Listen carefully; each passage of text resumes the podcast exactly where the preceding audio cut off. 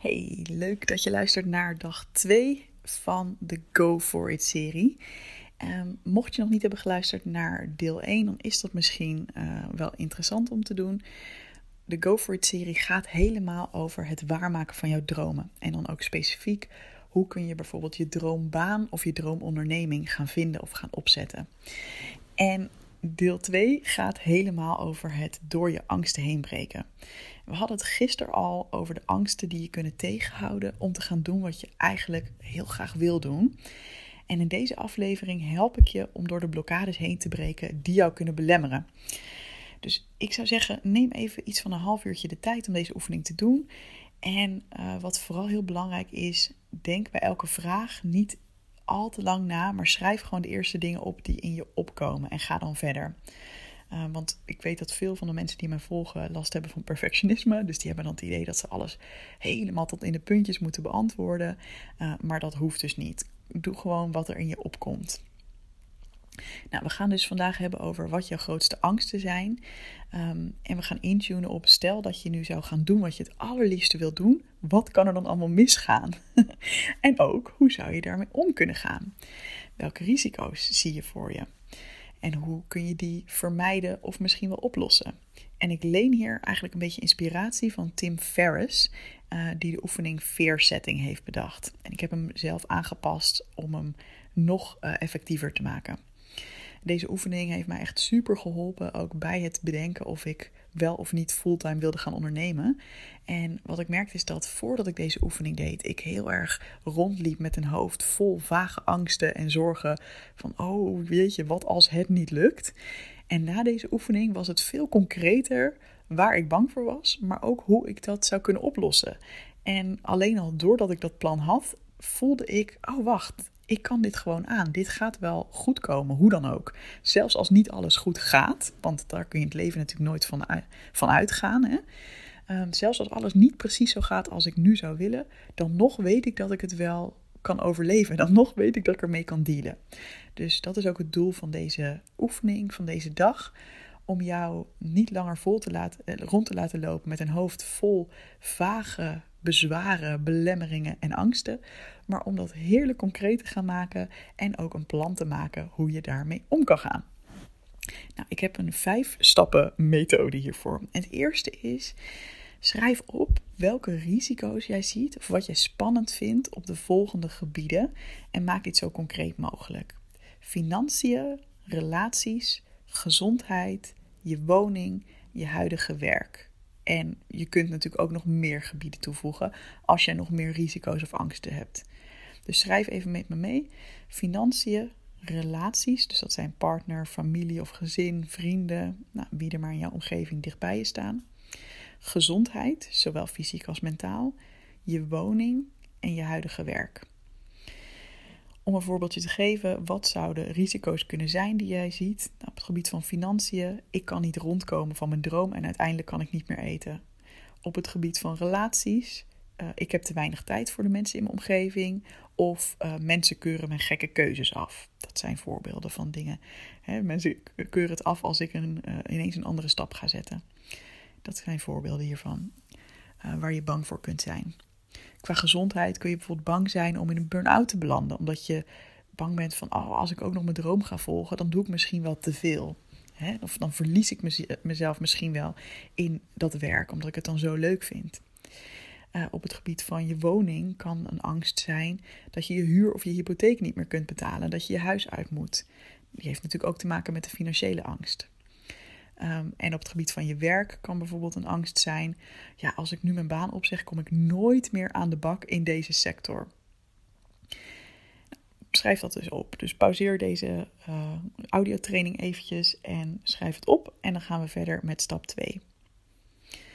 Stap 2 is dat je vervolgens alle risico's langs gaat die je hebt opgeschreven voor jezelf. En dat je ze een cijfer geeft van 1 tot 10 om aan te geven hoe waarschijnlijk het is dat dit ook echt gaat gebeuren. Denk er niet al te lang over na. Het is ook niet het belangrijkste onderdeel. Um, dit is puur om jezelf een beetje perspectief te geven van alle risico's die jij maar kunt bedenken. En hoe groot de kans uh, echt is, of hoe groot jij zelf de kans acht dat zoiets ook echt gaat uitkomen. Want weet je wat het is? We hebben allemaal een sterk ontwikkelde kritische rechter. Zo'n stemmetje dat overal gevaar ziet en zegt wat er niet goed gaat. En nou uh, wat voor risico's er allemaal zijn.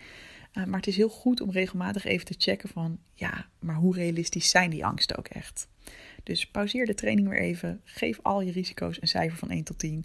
Doe daar echt niet langer over dan 2 minuten. En dan gaan we weer verder.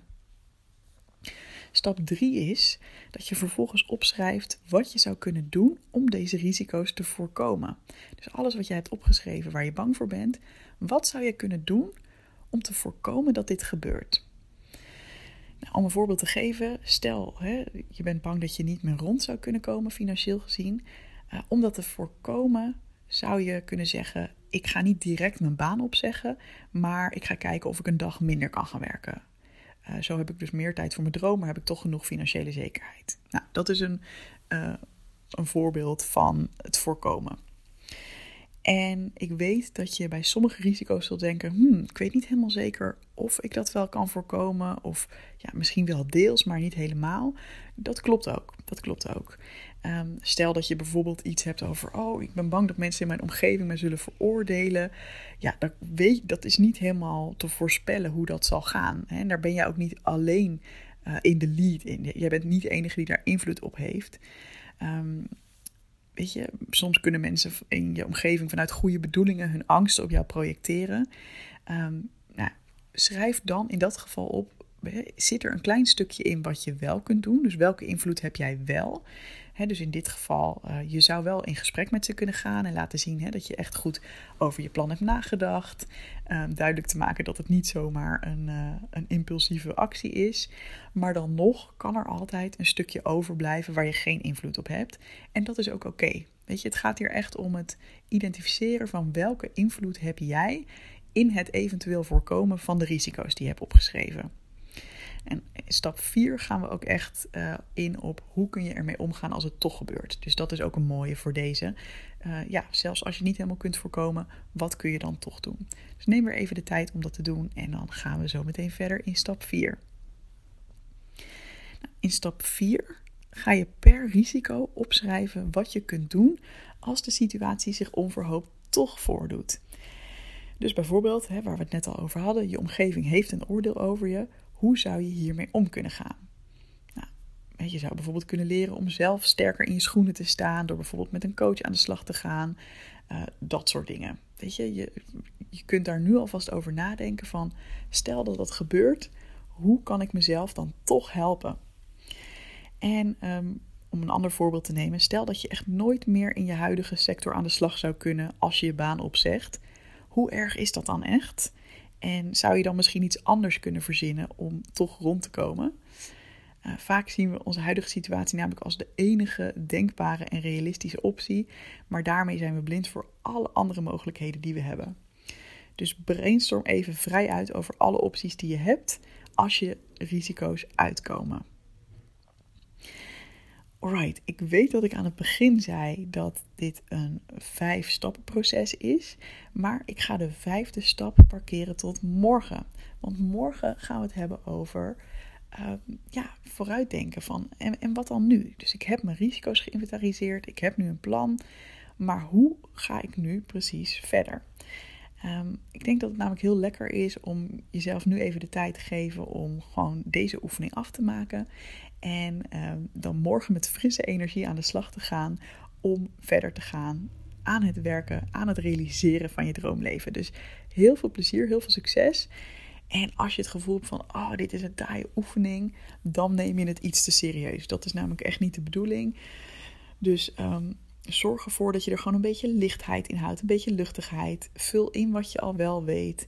En denk ook niet van, oh mijn god, um, ik zie vast heel veel risico's over het hoofd. En ik moet nu doorgaan totdat ik alles helemaal perfect heb, uh, heb geïnventariseerd. Of tot ik alle oplossingen heb. Of nee, weet je, je schrijft op wat er nu in je opkomt. En ja, dat alles wat je hebt is mooi meegenomen. En je kunt het altijd aanvullen in de komende weken of dagen of maanden of jaren. Heel veel succes en heel graag tot morgen. Dat wordt echt een hele waardevolle ja, turning point om, um, ja, om echt dichter te komen bij wat jij wil doen. Dus Ik hoop dat je ook morgen weer lekker incheckt. Heel veel liefs en succes! Hey, vond je deze podcast te gek? Check dan zeker even mijn online programma Goed Genoeg, speciaal voor perfectionisten. Want heel eerlijk, in je eentje kun je ook een heel eind komen met het loslaten van je perfectionisme. Maar als je meedoet aan dit programma, heb je alle tools in handen om veel sneller deze ontwikkeling door te maken. Ga naar doelgerichtecoaching.nl/slash goed genoeg en wie weet zie ik je binnenkort.